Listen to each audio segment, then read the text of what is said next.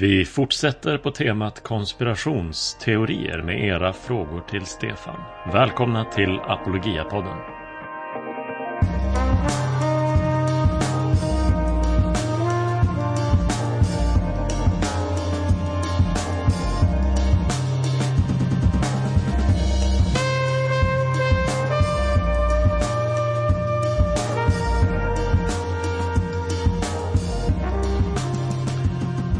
Välkomna tillbaka till Apologia-podden. Jag heter Martin Helgesson.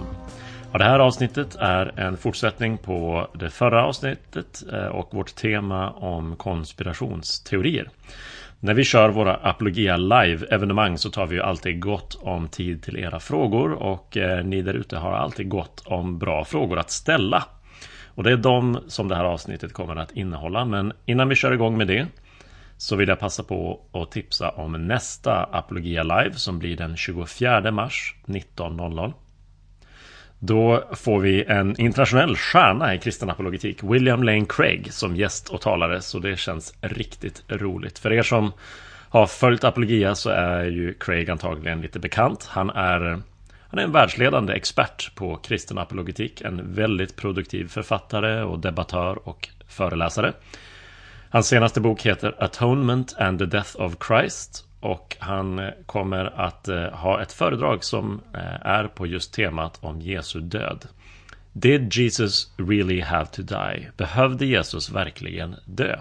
Eller hade det varit möjligt för Gud att förlåta på något annat sätt? Hade det kanske till och med varit att föredra att Gud hade hittat ett mindre eh, krävande eller grymt sätt att förlåta världens synd på. Det här är aktuella frågor utifrån eh, kritik och invändningar som riktas mot kristen tro. Det är såklart alldeles extra aktuellt när påsken nu närmar sig. Craig kommer att eh, förbereda och spela in ett föredrag särskilt för oss på just det här temat och det har premiär på Apologias Youtube den 24 mars 19.00. Jag vet vad du tänker. Det heter ju Apologia Live, inte Apologia förinspelat. Ja, det stämmer. Och Craig kommer faktiskt finnas med efter föredraget kommer han att vara med live på Zoom för att svara på era frågor precis som vanligt.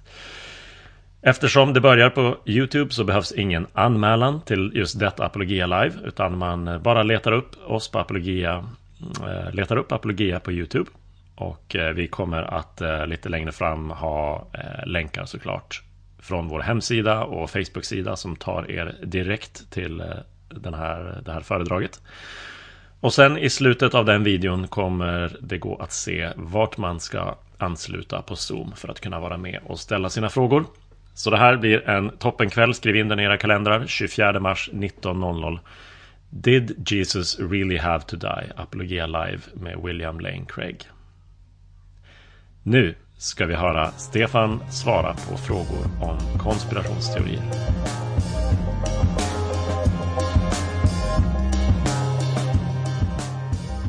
Tack så mycket Stefan. Tack för den presentationen. Eh, och eh, då ska vi gå över till den del av kvällen som handlar om era frågor. Vilgot undrar, undersökningar i USA visar att de evangelikala kristna där är mer benägna att tro på konspirationsteorier än vanliga eh, profana. Varför? Borde inte de som menar sig ha del av Guds ande bättre kunna bedöma vad som är falskt? Ja, Tack. Bra fråga.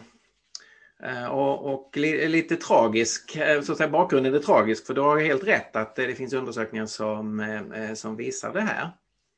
Och det tror jag har att göra med de två punkter som jag tog upp i min presentation. Alltså det finns en teologisk motivering.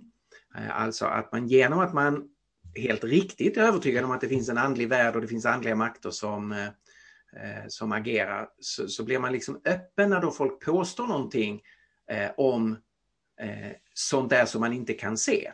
Men det följer faktiskt inte logiskt att man måste göra det. Alltså min övertygelse om att det finns denna världens första en ond makt som också driver sitt spel i världen. Det behöver inte betyda att jag därmed tror att jag kan avkoda det spelet. Eh, och jag menar vi, vi har ingen information i, i Bibeln som talar om vad den onda makten gör i Sverige eller i västvärlden eller överhuvudtaget 2021. Och det finns inga löften om att Gud profetiskt i varje tid ska låta sitt folk få den kunskapen. Jag säger inte att Gud inte kan ge den, Gud kan göra vad han vill, men vi har inget löfte om att Gud kontinuerligt ska, eh, ska ge oss den sortens information. Utan vi har i, eh, i skriften tillräckligt med, eh, med information för att leva våra eh, liv och tjäna Gud och betjäna människor och göra gott. Utan att ha hela bilden av vad den onda makten är, eh, är ute efter. Och det här gör ju att man, man, man, ska ha en viss kritisk distans när människor träder upp och gör så profetiska anspråk på att kunna tala om det här. Vi ser ju ett eh, liksom, profetiskt eh, breakdown i USA nu.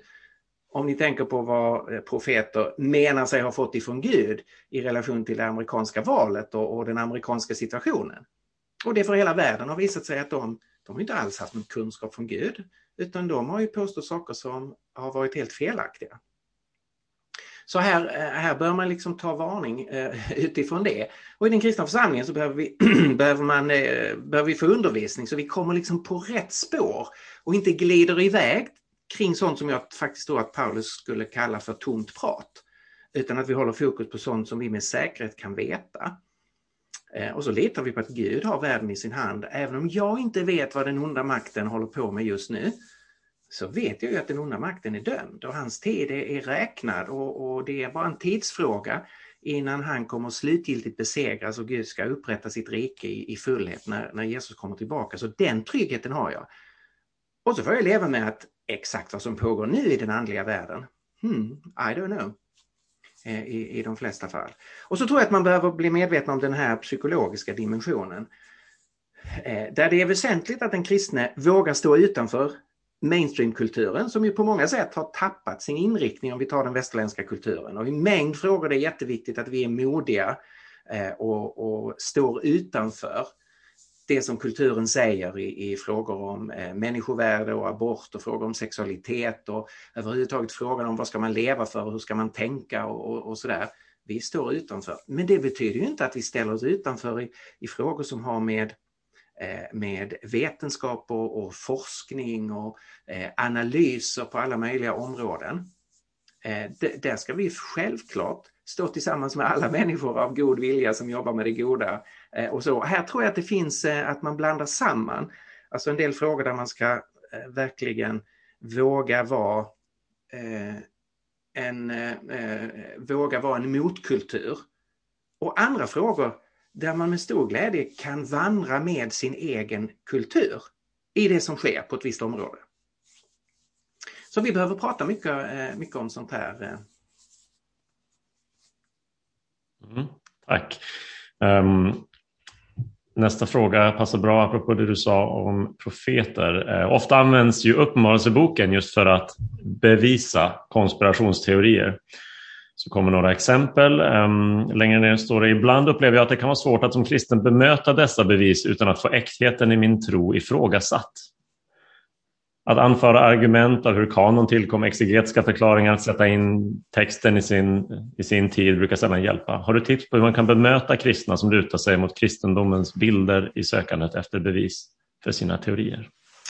Ja, tack igen för det är bra frågor. Ehm, och det är ju mycket Uppenbarelseboken som å ena sidan är en fantastisk bok som har varit till så stor tröst och hjälp och, och inspiration för kristna genom hela historien.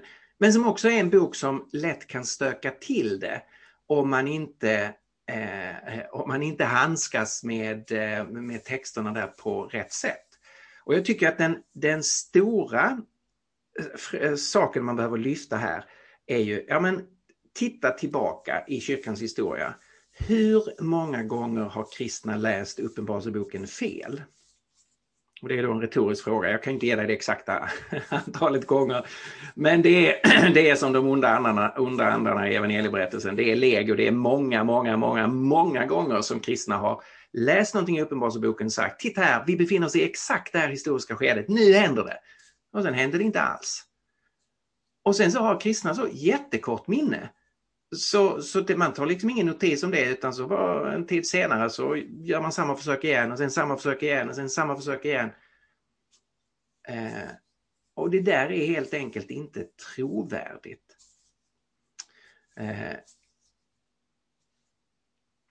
vi måste förstås acceptera att eh, bland oss kristna så kommer det finnas olika tolkningar av Uppenbarelseboken.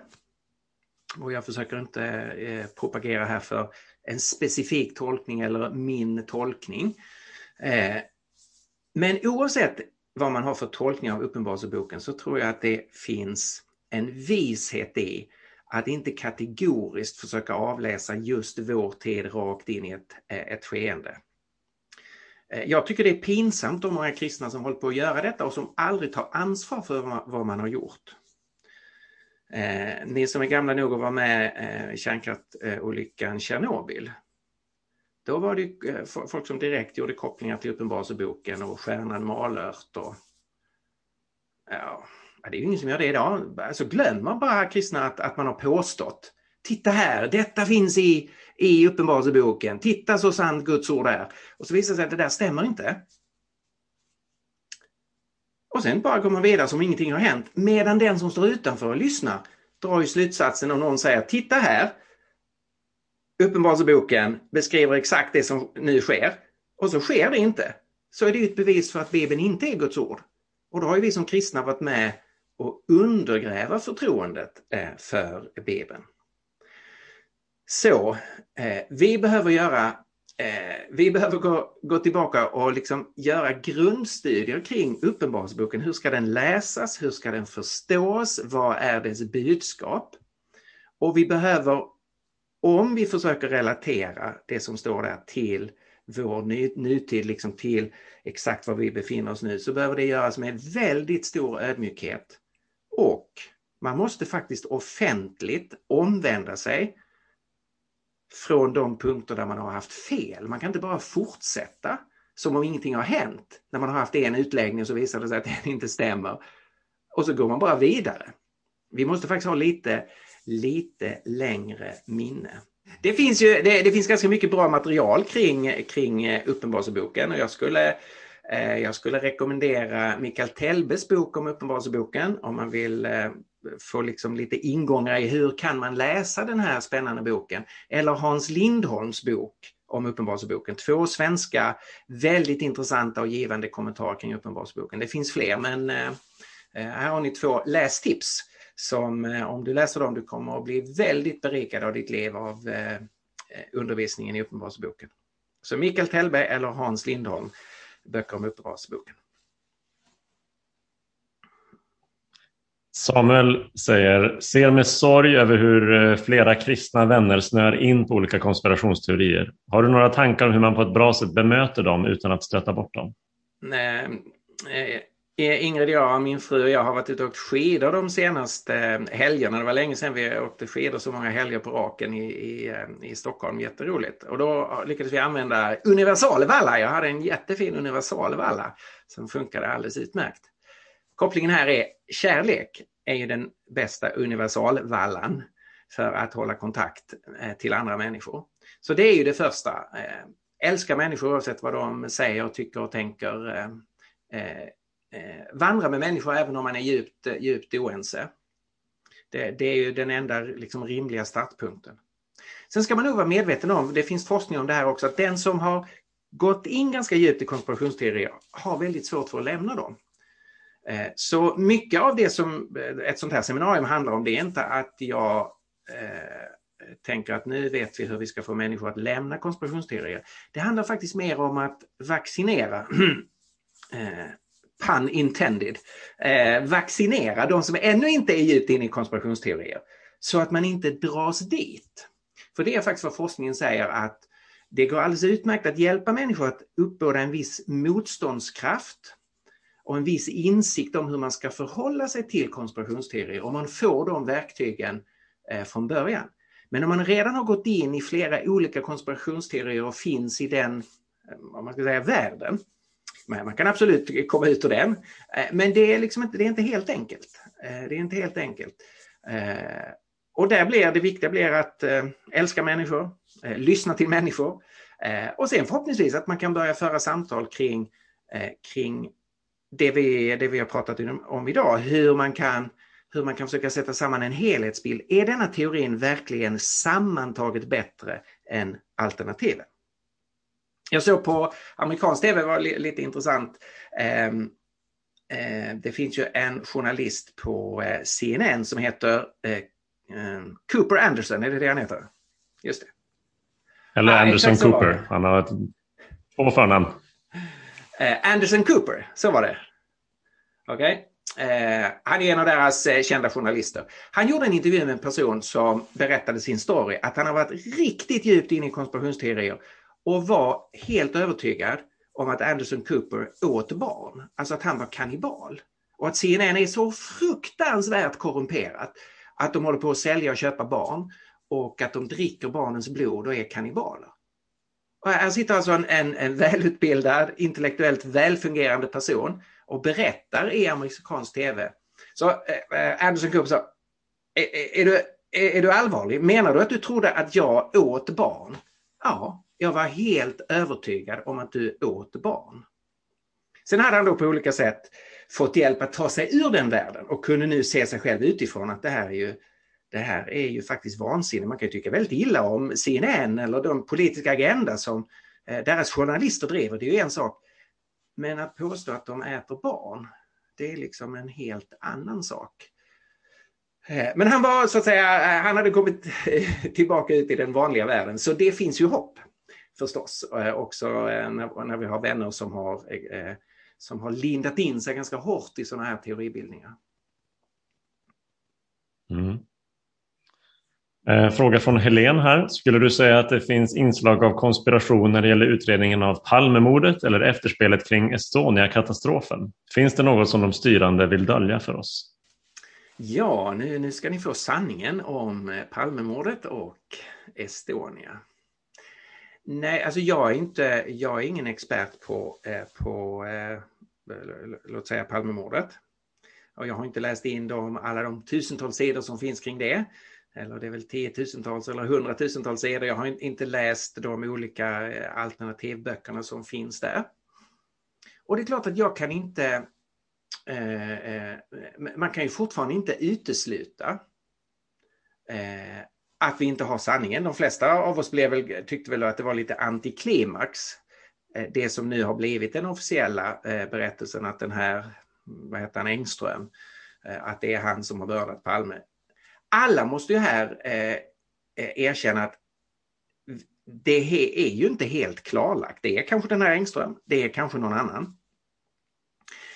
Och då tycker jag så här att det är frustrerande att vi inte vet. Det är en stor händelse i svensk historia, statsministern mördas.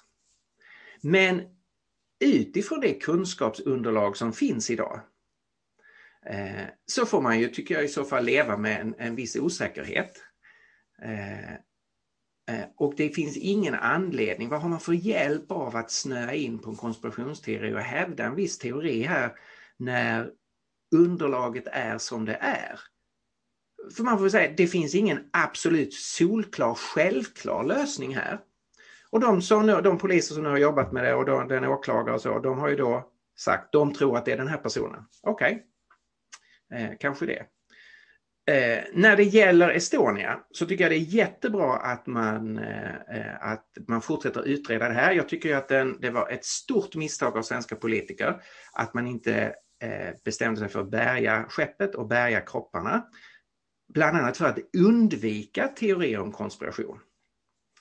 Eh, därför att när någonting händer så här och man låter skeppet och kropparna ligga kvar på havets botten det är ju med hundraprocentig säkerhet att folk kommer att säga, undrar varför de gjorde så. Har de något att dölja? Så jag tycker det är jättebra att den eh, frågan utreds vidare. Att jag är kritisk till konspirationsteorier innebär inte att jag tycker att man ska undvika att utreda saker. Utan det är ju mer att en mängd konspirationsteorier har undersökts och de saknar grund jämfört med den med, med mainstream-teorin och då ska man självklart hålla sig till mainstream-teorin. Eh, när det gäller Estonia, ja det känns väl jättebra att vi får, kan få mer information. Eh, så jag ser, jag ser fram emot vad som kommer att, att hända där. Jag tycker just nu inte att det går att hävda att det skulle, skulle finnas en konspiration. Men det finns ett antal frågetecken. Eh, som eh, man kan hoppas ska kunna rätas ut. Eh, en till fråga om eh, konkret konspirationsteori. Då. En teori som ofta kommer från kristet håll nu är att covidvaccinet, eh, mRNA-vaccin och så, skulle vara odjurets tecken. Hur ska man tänka kring det? Det är otäckt till exempel att det kommer att införas vaccinationspass för att man ska få röra sig fritt i samhället, resa, gå på bio, teater, mm, kanske till slut handla mat. Det är många som inte kan ta vaccinet som kommer att hamna helt utanför samhället. Vad har du för respons och kommentar kring det, Stefan? Eh, ja, eh, då är vi tillbaka i Uppenbarelseboken och det är ju, eh, är ju naturligt i det här fallet. Och det finns ju en väldigt dramatisk text där om, om odjurets om odjurets märke. Och, och scenariot som målas upp i Uppenbarelseboken det är ju att historien är en kamp mellan odjuret och lammet. Eh, eller mellan odjuret och Gud och Guds lamm, eh, Jesus Kristus som offrat sig för våra synder. Eh, och då så är där ju en, en text som handlar om odjurets märke och hur eh, boken handlar mycket om tillhörighet, om man tillhör, har låtit sig tvättas ren i Lammets blod och därför tillhör Guds folk eller om man tillhör odjuret. Och då är det en text om att, att få odjurets märke på sin panna och sin hand och, eh, och det talas om att man inte får köpa och sälja och så. Frågan här är ju, eh, ska detta märket tolkas som ett fysiskt märke? Alltså är det chippet i kontokortet? Eller är det eh, chippet i, i eh, eh, om, om man får ett chip inopererat i, i, i handen? Eller är det ett symbolspråk för den mer eh Eh, för, eh, för vad ens hjärta är märkt av, vad ens tanke och ens hjärta är märkt av. Det är inte helt självklart. Uppenbarelseboken är ju alldeles fylld av symbolspråk. Jättemycket som går tillbaka till, eh, till Gamla Testamentet och till symbolspråk där. Så jag skulle vara, jag skulle vara mycket försiktig och tolka till exempel det här med vaccin och, och vaccinpass som odjurets märke. Jag kommer själv att eh, låta vaccinera mig vid första, eh, första möjliga tillfälle. Och jag tycker inte det är så konstigt att man talar om till exempel vaccinpass.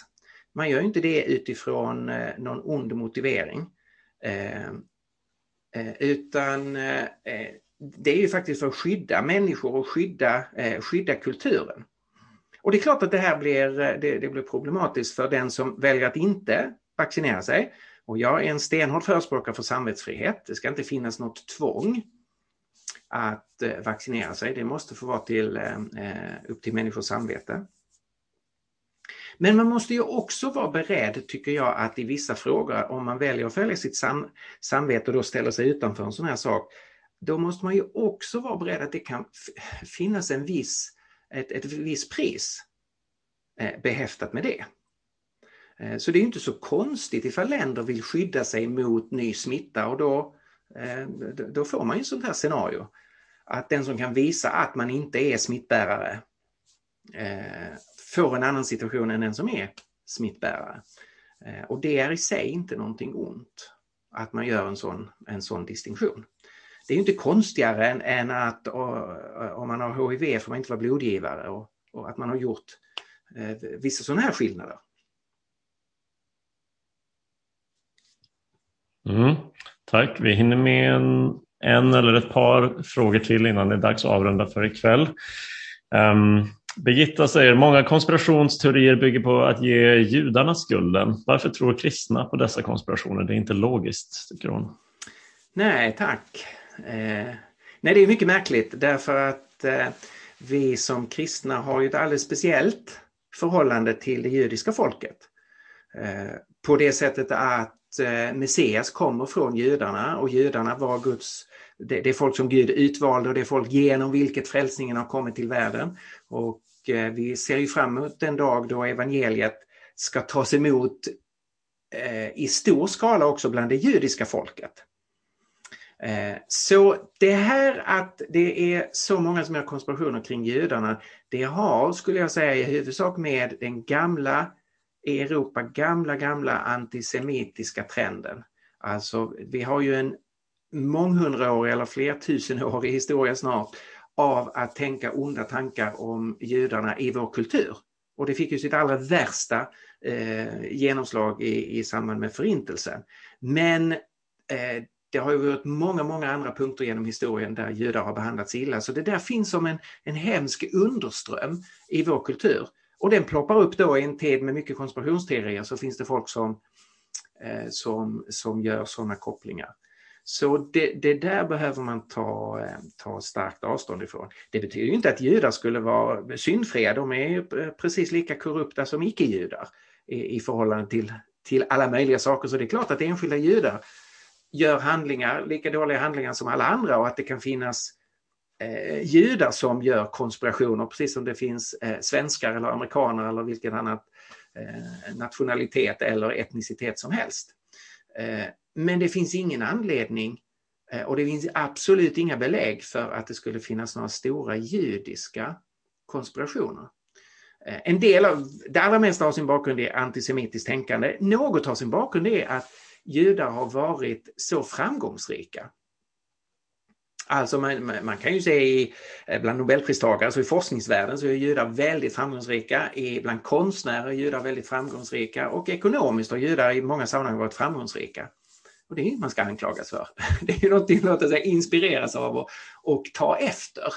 Eh, men det har man använt också då eh, för att bygga upp konspirationsteorier. Alltså det är något skumt med den här gruppen som det går så bra för. De har liksom något fuffens för sig. Eh, så det, det, är den andra saken som, eh, som finns med som en bakgrund. Mm. Eh, det börjar bli dags att avrunda men om vi får lov att unna oss att sluta med en fråga av det lite lättare, lite roligare slaget. Stefan, har du någon favorit bland konspirationsteorierna ur ren humorsynpunkt? Och är det i så fall den om att Queen Elizabeth egentligen tillhör reptilsläktet? Eh, eh, det finns en bok som är ganska billig, åtminstone om ni, eh, om ni har Kindle.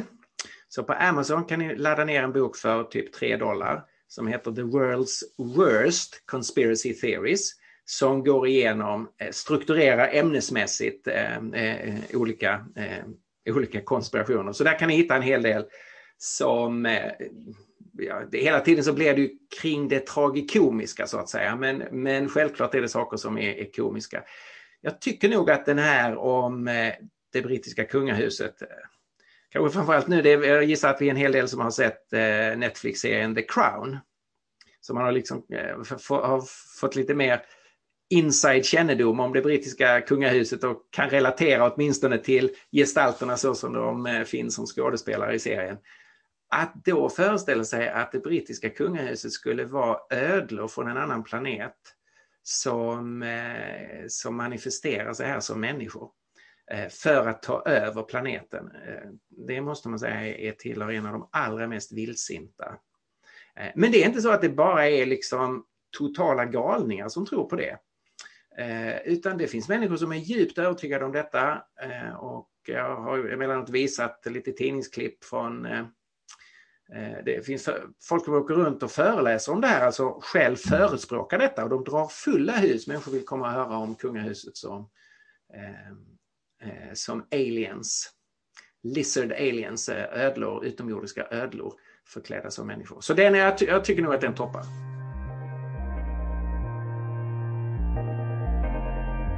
Ja, där var vår frågestund slut och där slutar också Apologia-podden för den här gången. Vi kommer att göra ett avsnitt till om konspirationsteorier där vi följer upp med ett mer eh, typiskt eh, poddsamtal med mig och Stefan. Hans reflektioner efter att ha haft både två stycken Apologia live om detta ämne och dessutom varit inbjuden att undervisa i fler forum. Eh, vilka frågor tycker han fortfarande kvarstår som är intressanta att ta upp? Och vilka frågor har ni som återstår? Det är ju också intressant för oss att veta. Så om du har någon fråga som du inte tycker kom fram under varken förra avsnittet eller under det här avsnittet med eh, frågestunden. Släng iväg ett mejl till oss på podd.apologia.se podd.apologia.se Det ska vara två stycken D i podd. Eh, skicka in din fråga om konspirationsteorier så kanske den finns med i vårt sista och avslutande samtal på det här temat, åtminstone för nu. Glöm inte bort Apologia Live den 24 mars 19.00 med William Lane Craig. Did Jesus really have to die? Hoppas att vi ses då och ha det så bra så länge. Hej då!